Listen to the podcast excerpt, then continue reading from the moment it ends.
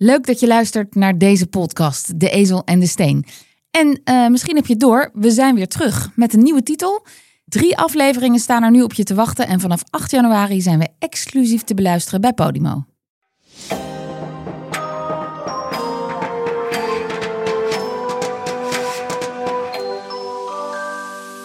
Dit is De Tijd zal het leren. Een podcast over gebeurtenissen van vandaag die schreeuwen om een vergelijking met gebeurtenissen uit de geschiedenis. Ik ben Lisbeth Staats, journalist, en ik zit hier met twee specialisten en liefhebbers aan tafel. Tim Jacobs, historicus en leraar geschiedenis in Heemstede.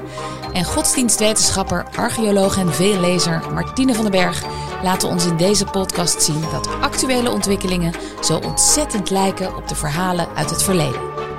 Want eigenlijk is alles al een keer gebeurd.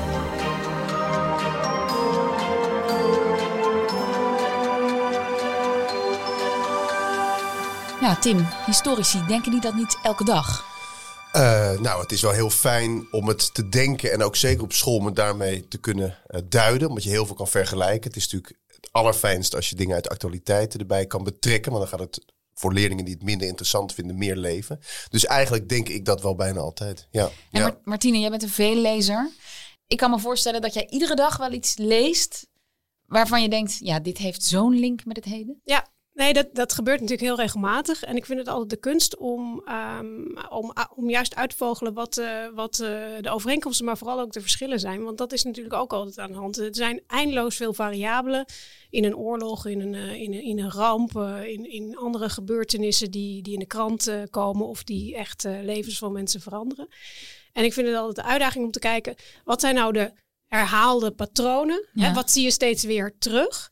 Maar tegelijkertijd zie je dat het steeds weer in een andere, op een andere manier wordt geformuleerd, met andere uh, inhoud. Maar ik zoek vooral naar de patronen. Dat ja. vind ik interessant. Nou, komt heel goed uit, want daar gaan wij het over hebben in deze podcast. Tim, jij bent uh, leraar geschiedenis. Ja. Welke klasse had je vandaag? Ik heb vandaag onder andere klas 6 gehad. Um, en ik bedenk me nu opeens, hey, dat ging ook over uh, China. Oh. Wat ongetwijfeld nog ter sprake gaat komen uh, vandaag. Maar dat is een van de eindexamen onderwerpen. Het was de ene laatste les. Ik ben met betraande ogen van deze klas, met betraande ogen ben ik naar buiten gegaan. Echt? Omdat ze moeten het vanaf nu bijna helemaal zelf doen. Maar, dat, ook, uh, maar serieus, omdat het zo'n leuke klas is. Nee, ik ben niet echt met betraande ogen oh, weggegaan. Maar het was, uh, het, was, uh, het was geveinsde emotie om ze een hart onder de riem te steken. Ja. We gaan het vandaag hebben over een actuele kwestie. Taiwan.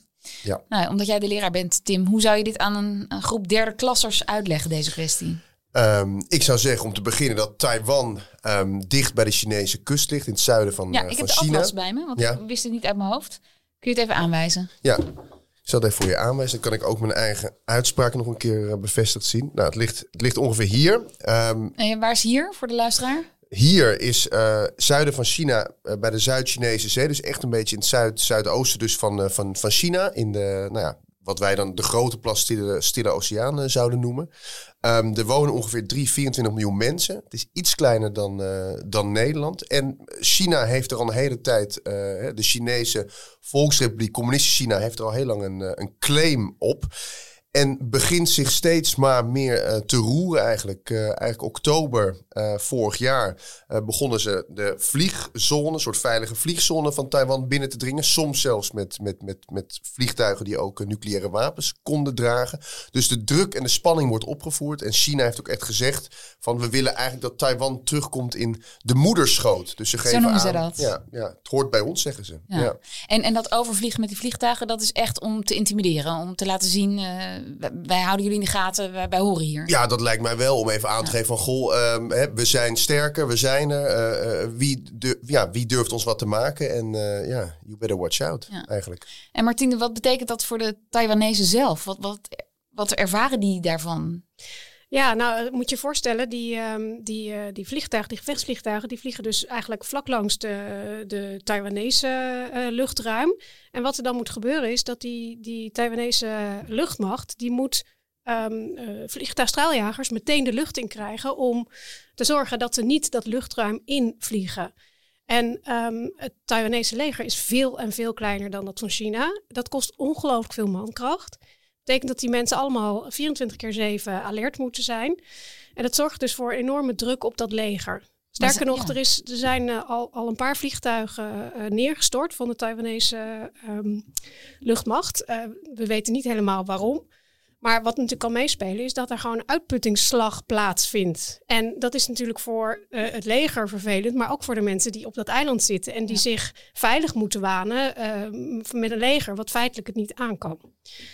En die dreiging in het dagelijks leven voor, ja. de, voor, voor als je naar ja. werk gaat en, en ja. naar school? Ja, nou ja, er zijn natuurlijk twee andere dreigingen. De ene is dat um, omdat China eigenlijk heel uh, uitgesproken is over zijn plannen hè, om, om, om Taiwan in te lijven, dat er veel uh, westerse bedrijven zijn die eigenlijk um, hun willen desinvesteren in Taiwan. Hè, Taiwan is uh, een, een, land wat uh, meer dan 50% van de semiconductor business ter wereld heeft. Ja, nou, wat zijn het ook weer? Dat zijn halfgeleiders die nodig zijn voor ongeveer elk elektronisch apparaat dat we hebben. Dus alles wat elektronica is. Uh, made in Taiwan. Heeft, made in Taiwan. Um, nou ja, dat is natuurlijk. Uh, dat betekent dat westerse bedrijven de neiging hebben om weg te gaan uit Taiwan en te proberen dat zelf te gaan doen. Hè, met, met recht. Mm -hmm. uh, maar dat betekent natuurlijk dat er economische druk komt op Taiwan. En bovendien um, waren tot voor kort, tot, tot 2020, er nog wel Taiwanezen waren die het wel zagen zitten om zich weer bij China te voegen, omdat dat natuurlijk economische voordelen kan brengen. Is daar nu verandering in gekomen omdat in Hongkong is gebleken dat het hele idee dat China toestaat dat zo'n staat als Hongkong, die eind jaren 90 bij China kwam, democratisch bleef, dat is sinds 2020 ongeveer de nek omgedraaid. Dus waar vroeger een vrije pers was en vrije verkiezingen, is dat sinds 2020 eigenlijk niet, niet meer, meer in Hongkong. En dat is dus het vooruitzicht. Taiwan is een democratie. En als zij worden ingelijfd bij China, dan kun je erop rekenen dat het uh, gedaan is met de vrijheid van, uh, van de Taiwanese. Dus, dus die dreiging is gewoon voelbaar iedere dag en, en, merkbaar. Ja. ja. Ik moet nu heel erg denken, ook in het nu, aan Oekraïne natuurlijk. Want dat was de dreiging die nu werkelijkheid is geworden. Uh, dat was voor de Oekraïners natuurlijk ook een, een, dagelijkse gang van zaken. Mag je die vergelijking zo, zo maken? In principe is het natuurlijk logisch om die vergelijking te maken, want het gaat allebei over een supermacht, of over Rusland uh, en China, die een relatief klein land, een buurland, dat zichzelf als soeverein beschouwt, invallen. Uh, maar um, de Taiwanese zijn toch heel voorzichtig met het maken van die vergelijking. Want die willen niet uh, dat de Chinezen daardoor geïrriteerd raken. Tim, de context. Waarom wil China nu Taiwan erbij hebben? Ja, um, modern China, zoals we het nu kennen, de Communistische Volksrepubliek, uh, ontstaat eigenlijk na de Tweede Wereldoorlog. Dan breekt er een burgeroorlog uit. Dus aan de ene kant de communisten van Mao, nou, die kennen we. En een nationalistische groep regering onder leiding van uh, meneer Chiang Kai-shek, een beetje een fascistoïde uh, figuur. Um, en die burgeroorlog wordt uiteindelijk gewonnen door uh, de Maoïsten, door de communisten en de volgelingen, of in ieder geval de regering van die Chiang Kai-shek, die trekt zich terug of die vluchten eigenlijk naar dat eiland. Um, en daar is het tot 1980 een soort eenpartijstaat geworden. Vanaf 1980 is dat Taiwan, wat dus voortkwam uit die nationalistische Chinezen, um, is een democratie. En nou ja, communistisch China, Volksrepubliek China zegt dus, nou ja, jullie zijn een, eigenlijk een soort dissidente regio, jullie horen bij ons en we willen jullie, uh, we willen jullie terug. En, en willen ze dat alleen voor de bühne, om de wereld te laten zien van, uh, kijk, we zijn zo groot en sterk, alles wat wij erbij willen hebben komt ja. bij ons? Of hebben ze ook een heel economisch belang? Of is het een heel erg waardevol... Uh... Nou, dat speelt natuurlijk altijd. En wat Martine net aangaf, die, die productie van semiconductors is gewoon een belangrijk economisch motief. Plus dat China al heel lang bezig is om uh, nou ja, de machtigste kracht, of in ieder geval om, om invloed te hebben eigenlijk over die hele stille of uh, Zuid-Chinese zee. Het is een soort driehoek tussen Taiwan, uh, Filipijnen, Indonesië. Daar gaat heel veel echt, nou, misschien weet Martine dat beter dan ik, maar daar gaat een gigantische hoeveelheid van het uh, ja, vrachtverkeer. 30%, 30% van, van de wereldhandel gaat door de Zuid-Chinese zee. Door dat stukje zee. Ja. ja. Dus, dus dat, dat, als je dat controleert... Dan, dan, heb je nou ja, dan heb je dus de map en je controleert een gigantisch... En dat is ook een reden trouwens dat de Amerikanen dit zo spannend vinden. Want de Amerikanen kunnen natuurlijk ook zeggen... nou goed, hè, we willen het machtigste land zijn... en we vinden het vervelend als een ander machtig land een stukje land inneemt. Maar die geopolitieke, dat geopolitieke belang van dat stuk zee of oceaan... is ook voor de Amerikanen gewoon gigantisch. Ja, en um, nou ja, de president Xi Jinping, uh, jij zei het net al Tim... die heeft al gezegd... ja. Taiwan hoort bij ons, moet terug naar de moederschoot. Maar Martine, hoe, hoe verkoopt hij dat? Met welke argumenten? Ja, nou, het, het, het, uh, het blijkt wel dat roepen dat het economisch belangrijk is niet genoeg is. Hè? Dat, uh, dat overtuigt niemand, zeker niet als je um, een, een, leger hebt dat op een gegeven moment uh, ook daadwerkelijk iets moet doen en zijn, le zijn leven moet geven. En hoe overtuig je een moeder om je zoon naar het leger te sturen? Ja, dan moet je met economische argumenten. Precies, dan moet je met een heel goed verhaal komen. En het verhaal wat hij vertelt is. Um, is eigenlijk wel interessant, want het gaat lijnrecht in tegen dat wat, uh, wat Mao, die we net even uh, ter sprake lieten komen, wilde. Mao wilde echt af van uh, alle Chinese tradities. Die, hè, dus het, het, het, Confucianisme en het Taoïsme en het Boeddhisme. Dat zijn eigenlijk de drie pijlers van religieuze pijlers van China. Ehm, nou, dat, uh, dat heeft hij echt uh, willens en wetens willen verwoesten. Tempels uh, verwoest en, en alle boeken verbrand. En dat was echt afschuwelijk. En Xi Jinping, die overigens is, opgegroeid in die periode, die uh, heeft een heel, een, eigenlijk een veel slimmere uh, manier van kijken naar de geschiedenis. Die, die probeert die geschiedenis juist weer, die traditie weer uh, in het nieuw leven in te blazen. Maar wel alleen dat wat hem goed uitkomt. Hè, dat is natuurlijk niet dat, dat iedereen vervolgens vreedzaam boeddhist is, want dat is helemaal niet handig.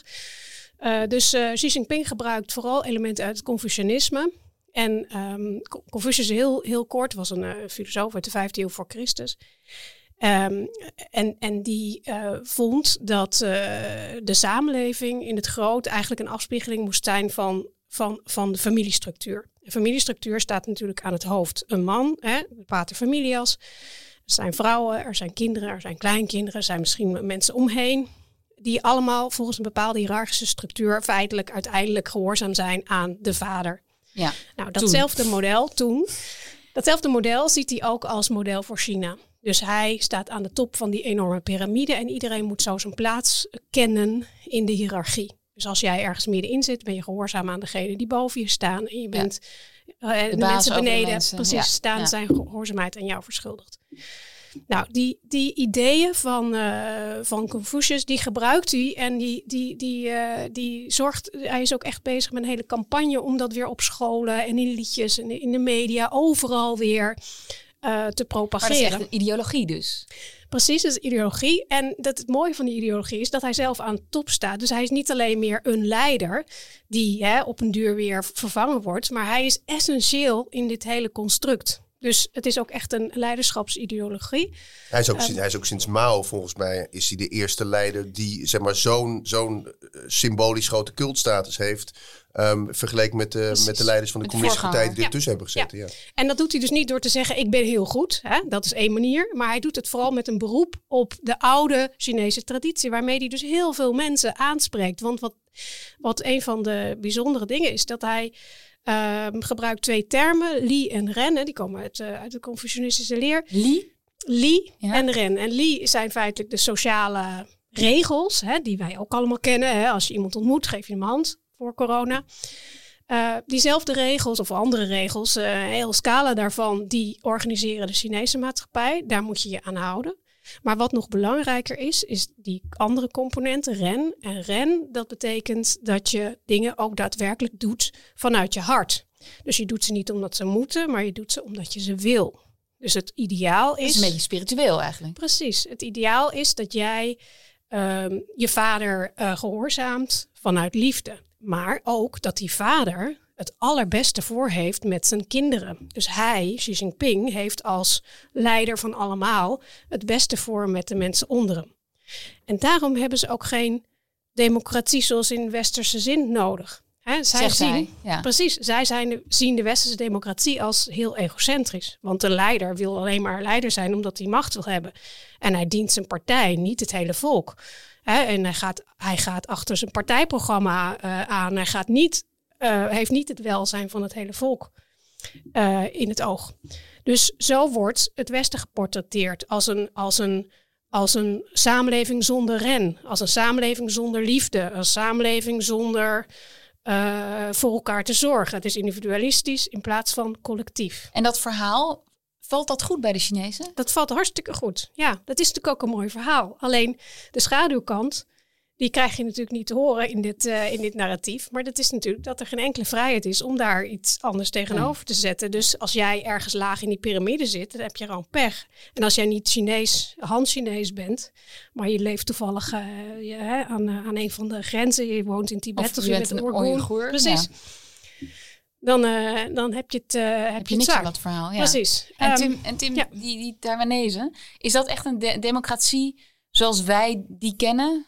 Nou, inmiddels, ja, inmiddels wel, sinds de jaren tachtig eh, wel. Daarvoor is het heel lang een, dus een eenpartijstaat geweest. Dus vanaf dat die, het moment dat die gasten gevlucht zijn eh, voor de communistische partij, dus die, die Kuomintang nationalistische partij, burgeroorlog, communisten, zijn naar Taiwan gegaan. Toen is het heel lang een eenpartijstaat geweest, met zelfs een beetje wat ik net al aangaf, een soort fascistoïde eh, leiderschap. In ieder geval de eerste, Chiang Kai-shek. En dat is sinds de jaren tachtig is een democratie. En jij gaf natuurlijk al aan, zij vergelijken zich nu ook eh, eh, steeds meer. Of ze kijken natuurlijk met angst en beven naar wat zich in Hongkong afspeelt of heeft afgespeeld. Ik, ik, ik luisterde laatst iets terug van de NRC van afgelopen zomer, waarin ze ook China eh, in het voetlicht zetten. En dat ging ook over een, iemand die vanuit Hongkong was gevlucht, omdat hij was opgepakt vanwege zijn denkbeelden of het verkopen van, ik meen dat het boeken waren of zo. En die naar Taiwan was gegaan als, als bastion waar dat dan nog Ja. kon. Terwijl hij eigenlijk ja, gevoel heeft van ja, dit, dit, ja, dat boekhandeltje dan maar even wat symbolisch is, dat Ja. ga ik hier binnenkort misschien ook moeten opdoen. Dus dat is eh, super bedreigend. En wel, heel ja. actueel. Ik bedoel, als je nu in Taiwan woont en, en over die Zuid-Chinese zee uitkijkt, dan zie je een groot gevaar op je afkomen. En dan nu, ja, de vraag, daarvoor zitten we hier bij elkaar. Waar hebben we dit eerder gezien? Wie mag ik daar Ja. het woord over geven? Martine? Nou, ik, eh, ehm, eh, toen we het hier even over hadden, toen moest ik ineens denken aan eh, iets wat ik heel toevallig een paar weken geleden op het spoor kwam. Ik deed gewoon voor de lol een beetje genealogisch onderzoek. Dus in mijn stamboomonderzoek en mijn eigen familie. Dat is vaak nogal frustrerend, want het waren allemaal, nou ja, arme lui die eh, niet heel veel eh, bijzondere dingen deed. Maar ik kwam ineens een bijzondere voorvader tegen. het is de grootvader van de grootvader van mijn moeder. Eh, die goede man heette Daniel Meijer. En die ging vechten met Willem I in 1831 in de veldtocht tegen de Belgen. De veldtocht tegen de Belgen. Ja. Nou, die heb ik niet helemaal scherp. Nee, nou ja, eh, Tim kan daar veel meer over vertellen dan ik. Maar in elk geval, ehm, eh, wat, eh, wa- waarom ik het interessant vond, waarom ik getriggerd was, was omdat die, omdat die grootvader een, eh, een, ja, een, een ere, eremedaille kreeg. Ik dacht zo, er is eindelijk eentje die heeft iets bijzonders gedaan. Maar ja, toen ik dat dus ging uitzoeken, toen bleek dat iedereen die had meegedaan in die oorlog een, een, kruis metalen kruis kreeg. En die, dat kruis was zo, zelfs gemaakt van twee kanonnen die, door de Belg, die van de Belgen zijn, eh, zijn afgepakt. Dat is wel weer Eh, leuk. Ja, dus het was wel een bijzonder kruisje. Eh, maar of ik nou heel trots op ben, eh, daar ben ik nog niet helemaal over uit. Dus misschien kan Tim nog even Ja, met die toelichten hoe het ook alweer zat. Ja, ik zou iedereen op zijn merites van toen beoordelen. Of je daar nu nog een, een oordeel over moet hebben. Over of, jou, of jouw overgrote ouder eh, een rechtvaardige Ja, strijd steeds iets anders. alsnog. We cancelen. Ja, ja nee, laten we, dat, laten, we, laten we dat vooral niet doen. Ehm ehm, nou ja, eh, Belgische veldtocht eh, na de Napoleontische oorlogen. Dus als Nederland Frans is geweest, dus nou, grosso modo tussen 1790 en 1814. Dan wordt Nederland een koninkrijk samen met België. Dan de, nou, de zoon van de oude stadhouder die nog uit de republiek kwam, wordt koning. We zijn samen met België en die Belgen, dat is dat bekende verhaal met die opera die in Brussel op een gegeven moment wordt opgevoerd. En die Belgen die leven al lang onder de knoet van de Nederlanders. Waarom?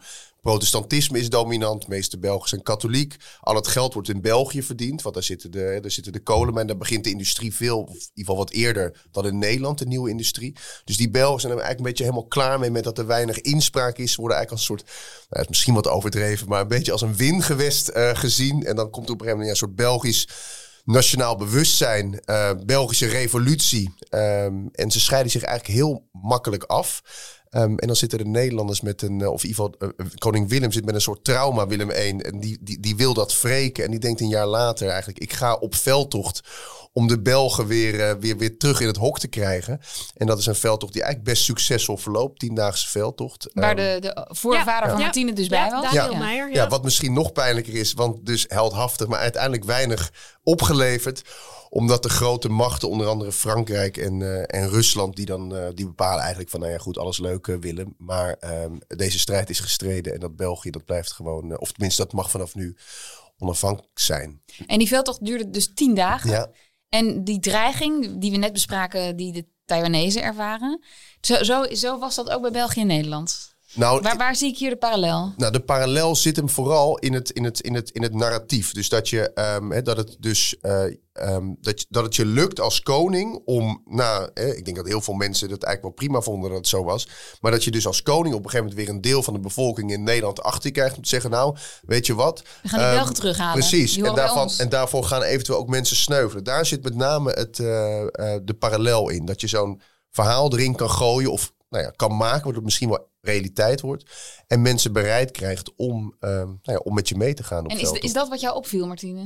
Ja, ik vond het ook een heel eh, grappige eh, oproep van koning Willem I zelf. En eh, daar kun je eigenlijk heel veel uit opmaken uit hoe, hoe dat dan werkt, zo'n narratief. Hè? Dus we hadden het eerder over het narratief van Xi Jinping, maar moet je maar eens opletten.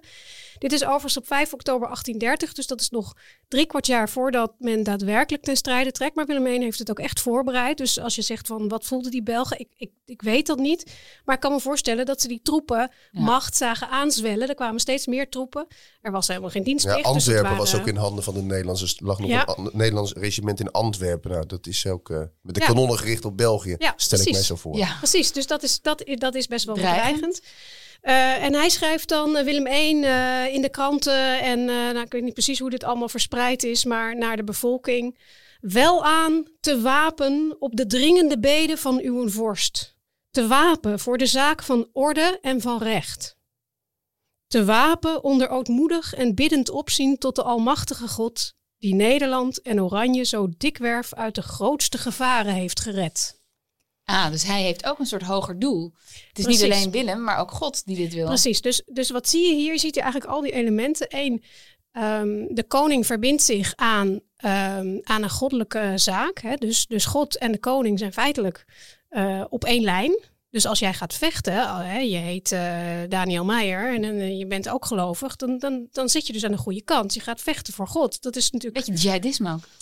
precies. Zeker. Ehm, eh, dus dat zie je erin. Maar je ziet er bijvoorbeeld ook in, hij zegt, eh, voor de zaak van orde en van recht. Dus hij was ervan overtuigd dat, hij, ehm, dat dit een rechtvaardige oorlog was. Terwijl feitelijk zijn er, ehm, eh, er zijn uiteindelijk door Nederlandse soldaten Belgische steden geplunderd. Er zijn, eh, er zijn echt eh, niet al te fraaie dingen gebeurd. Maar in zijn ogen ging dit echt over recht. Dus het, het, het, de recht, het was rechtvaardig ja. dat, wij, dat de Belgen bij ons hoorden. Zo hoorden het. Ehm, en ehm, eh, ja, dus het biddend opzien tot de Almachtige God. Dus die, eh, die is degene die, eh, die ons gaat helpen om de Belgen weer in het hok te krijgen, zoals jij zei. En, en heeft die veldslag eh, ons, zeg ik dan totaal eh, ongepast, maar heeft die veldslag Nederland heel veel gekost aan manschappen, geld? eh, Nou, wel redelijk. In ieder geval manschappen wel. Ja, het is, het is, het is, je kan het niet vergelijken met de grote slagen die daarvoor eh, gevoerd zijn. Ik las gisteren eventjes wat, wat, wat, wat, wat, wat stukken erover. En dan zie je toch dat het zijn relatief kleine legertjes. eh, eh, nou, jij moet maar misschien, als jij nu zegt van... Hey, ik heb hele andere Ja. dingen gelezen. Maar ik, ik las over 50, 100 doden bij een veldslag. Dus de, dat el- elke dode, eh, ga ik nu heel politiek correct zeggen, is er één te veel. Maar dat, dat, dat valt in de grote, grote orde van de geschiedenis natuurlijk wel, wel weg. Ehm, maar ik denk vooral eigenlijk dat, het, dat, dat, dat, dat de nederlaag moreel aan de ene kant heel... Of sorry, de overwinning moreel in eerste instantie heel groot was. Van hé, hey, we hebben die Belgen er eigenlijk in tien dagen ondergekregen. En vervolgens dat die overwinning niks waard bleek te zijn. Namelijk dat dus de grootmachten beslisten van nou ja, alles leuk en aardig, maar dit gaan we niet doen. Dus dus dat het, was een verlies-verlies situatie. ja, en ik denk dat je dat, om met het narratief te spreken, dat moet je vervolgens dus weer gaan omdraaien. Tenminste, zou ik doen als ik koning was. Nou, hoe, kan ik, hoe kunnen we dit positief eh, eh, eh, draaien? Want het lijkt nu voor niks geweest. Want ik heb iedereen up, we gaan het wel doen. En, en die Belgen wilden misschien, misschien had die Nederlandse soldaten ook bedacht dat die Belgen daar met oranje vlaggetjes stonden te zwaaien van alsjeblieft. Kom ons van die gekke Duitse koningen verlossen van Leopold. Maar dat, eh, Dat is niet nou ja, dat viel tegen. Maar, maar en nu even terug naar Taiwan. Want, want wat is dan de sterkste overeenkomst? Is dat dat narratief? Eh, Het, een, een land of een plek zien, een soevereine plek, als een soort dissidente regio. En, en gewoon bedenken en ook een argument daarbij bedenken van dat moet weer bij ons. Ik heb recht Ja. op dat stuk. Nou ja, de, het argument was eh, waarschijnlijk eh, bij Willem I, eh, of, of, of de diepere reden was natuurlijk economisch. Dat klinkt misschien een beetje marxistisch, maar dat zie je toch wel heel vaak bij, bij gewapende strijd. Dat de reden uiteindelijk economisch is, maar dat het verhaal wat wordt verteld, zowel aan de eigen bevolking als aan de dissidentenbevolking is um, hè, uh, groot en meeslepend, nationalistisch, we horen bij elkaar. Hoger doel. En wat het interessante is, is dat um, leiders daar dus ook zelf in gaan geloven. Dus, dus Willem I geloofde ook inderdaad dat de Belgen eigenlijk diep in hun hart bij ons wilden wonen. En het viel hem waarschijnlijk heel erg tegen dat dat niet zo was. Ja. En uh, ik, het zou helemaal niet uh, gek zijn als ook Xi Jinping echt denkt dat die Chinezen uiteindelijk gewoon graag bij China willen horen. Die Taiwanese. Dus precies, de Chinezen in, in Taiwan. Omdat ze dezelfde taal spreken, omdat ze dezelfde culturele achtergrond hebben. Hij kan zich misschien echt niet meer voorstellen uh, dat, dat het anders is. En dat, dat is dus de kracht van een narratief, is dat degene die het zelf verzint, hè, ook al ben je er zelf bij dat je het verzint, dat je er toch op den duur in gaat geloven. En, en, en zo werken narratieven. Zou, zou je dan ook zeggen, want dat vroeg ik me af, hè, zou je nou ook zeggen dat een narratief eigenlijk net zo belangrijk of net zoveel ruimte verdient als een soort van objectieve waarheid, voor zover die bestaat? Dus wat ik daarmee bedoel is als ik een, bijvoorbeeld in de klas uh, heb over nationalisme of het gaat over uh, Taiwan, dan zeg je ja dat zijn Chinezen. Nou dan kan je, de, dan kun je alle, je kan legio voorbeelden geven. Nou, dan wonen daar ook mensen die geen Chinees zijn. Je kan jezelf de vraag stellen wat is een Chinees? Um, dus er valt op, op allerlei manieren kan je aangeven nou dit narratief klopt niet, het is verzonnen. Mm -hmm. um, zou je nou zeggen omdat het verzonnen is, is het per definitie minder waard? Of is dat te makkelijk gedacht en is als een narratief gewoon heel sterk is, is dat gewoon eigenlijk de waarheid? Of kan het de waarheid worden? Nou, ik, ik, ik denk niet dat, dat je kan zeggen um, dat het de waarheid is. Um, maar ik denk dat het een um, zo krachtig wapen is dat je de oorlogen mee kan winnen. En dus moet je als je dat uh, als wetenschapper of als uh, buitenstaander of uh, als je de intelligence bent in Amerika, als je die situatie bekijkt, dan moet je wel degelijk die narratieven heel serieus nemen. Dus of het waar is of niet, dat doet er eigenlijk helemaal niet zoveel toe. Waar het om gaat is als de Chinezen het geloven. of hè, we hebben in heel veel regio's deze situatie. Als de mensen het zelf geloven, en dan denk ik altijd weer terug aan die moeders waar ik het net ook over had. Ik ben zelf ook moeder van jongens die uh, in een leger zouden kunnen zitten. Als je als moeder bereid bent om je zoons het leger in te sturen, dan moet je een hele goede reden voor hebben. En die reden die, eh, die heb je omdat je gelooft uh, in iets dat groter is dan jezelf. En iets wat steeds wordt herhaald, het steeds op televisie ziet, wat je in elke popliedje, in elke uh, culturele nou ja, En het geeft een beetje zin aan al die ellende. Precies, dat is de enige reden ja om uh, te kunnen, uh, het, het, nou ja, in zoverre dat ooit mogelijk is, om te kunnen dealen met, het, met, met slachtoffers, is als je denkt dat het een hoger doel heeft, als de, de dood niet voor niks is. Dus om dat te bewerkstelligen, moeten er sterke narratieven zijn. En dan tot slot de vraag van de week. Tim, wat was de leukste vraag uit de klas? Ja, de leukste vraag was uh, waarom uh, Adolf Hitler zichzelf twee dagen voordat hij uh, zichzelf doodschoot getrouwd was. wist je dat? Nee, wist ik niet. Want ik heb, die, ik heb zo'n vorm, zo'n intensieve vorm van liefde nooit gekend. Dus ik kon me er niks bij voorstellen. En wat de beste vraag was eigenlijk, en die heb ik wel vaker gekregen deze week, is van hoe komt het nou? Een hele goede vraag vind ik dat er nu zoveel aandacht is voor, voor vluchtelingen uit Oekraïne. Dat die met nou ja, wapperende vlaggen onthaald ja, worden. Mensen um, stellen hun huis open. Nou, ja. exact dat. Ook vrienden van mij, dat ik dacht van nou ja ik vind het hartstikke goed dat je het doet, daar gaat het voor de rest niet om. Maar dat had ik er nooit achter gezocht. En dat het bij de Syrische burgeroorlog of Afghanistan natuurlijk, hè, dat het een heel ander, uh, ander verhaal was. Nou, dat is een langer antwoord, denk ik dan. Dat is zeker een langer antwoord. Ja, ik, ik denk dat het met, met, met nou ja, dan kom weer een beetje op het woord narratief, maar in ieder geval ja, identiteit te maken heeft. Wij kunnen ons blijkbaar makkelijker identificeren met, uh, met, met, met, met, met de Oekraïners, omdat die meer op ons lijken, omdat het dichterbij ligt. Uh, en uh, nou ja, omdat we denk ik banger zijn voor Rusland. Hè. Daar valt het ene land het andere land binnen. En ja, Afghanistan was tussen haakjes de vijand van het terrorisme. Ja. En Syrië is een burgeroorlog. En denken mensen vaak van, god, het is hun eigen schuld dat het daar is uitgebroken. Martine? Jij bent een veellezer. Uh, wat was het mooiste, het beste of het, juist het slechtste wat je deze week gelezen hebt? Nou, het was, het was mooi en slecht tegelijk. Um, een fascinerend boek van Auke van der Woud. Het is al wat ouder, 2010. Maar ik was bezig met de, met de 19e eeuw. Dus daar hoort dat absoluut bij. Wie wat wil weten over hoe het vroeger was in Nederland, is, is dat zeker een aanrader. Dat boek heet Koninkrijk vol Sloppen. En dat gaat dus over hoe nou, 50% van de Nederlanders in de 19e eeuw leefden. Nou, dat was echt afschuwelijk. Die mensen woonden met grote gezinnen in één klein achterkamertje of zelfs in een kelder, een souterrain. Zonder stromend water, met, uh, met weinig of geen sanitaire voorzieningen. Uh, een donker hol met vlooien en, uh, en, en luizen. en waarom was het zo goed? Waarom was je zo gefascineerd? Omdat het ons laat zien dat hè, we, we hebben natuurlijk heel veel um, geklaagd over uh, de coronacrisis. En we zijn allemaal bang voor wat er allemaal nog uh, gebeuren gaat. Maar um, voor mij werkt dat relativerend om te zien uit wat een diepe ellende we ons hebben ontwikkeld tot wat we nu zijn. En uh, ik denk dat we in een hele goede, positie zijn om, om de dingen die wel misgaan alsnog um, te verbeteren. Dus um, ja, ik vind het altijd goed om in de achteruitkijkspiegel te kijken en om te realiseren dat we het nog zo slecht, waar we vandaan komen, dat we het zo slecht nog niet hebben. Mooie afsluiting. We leren het ook nooit, maar iedere week wel ietsje meer. Dit was We leren het ook nooit, een podcast over geschiedenis. Volgende week weer een nieuwe.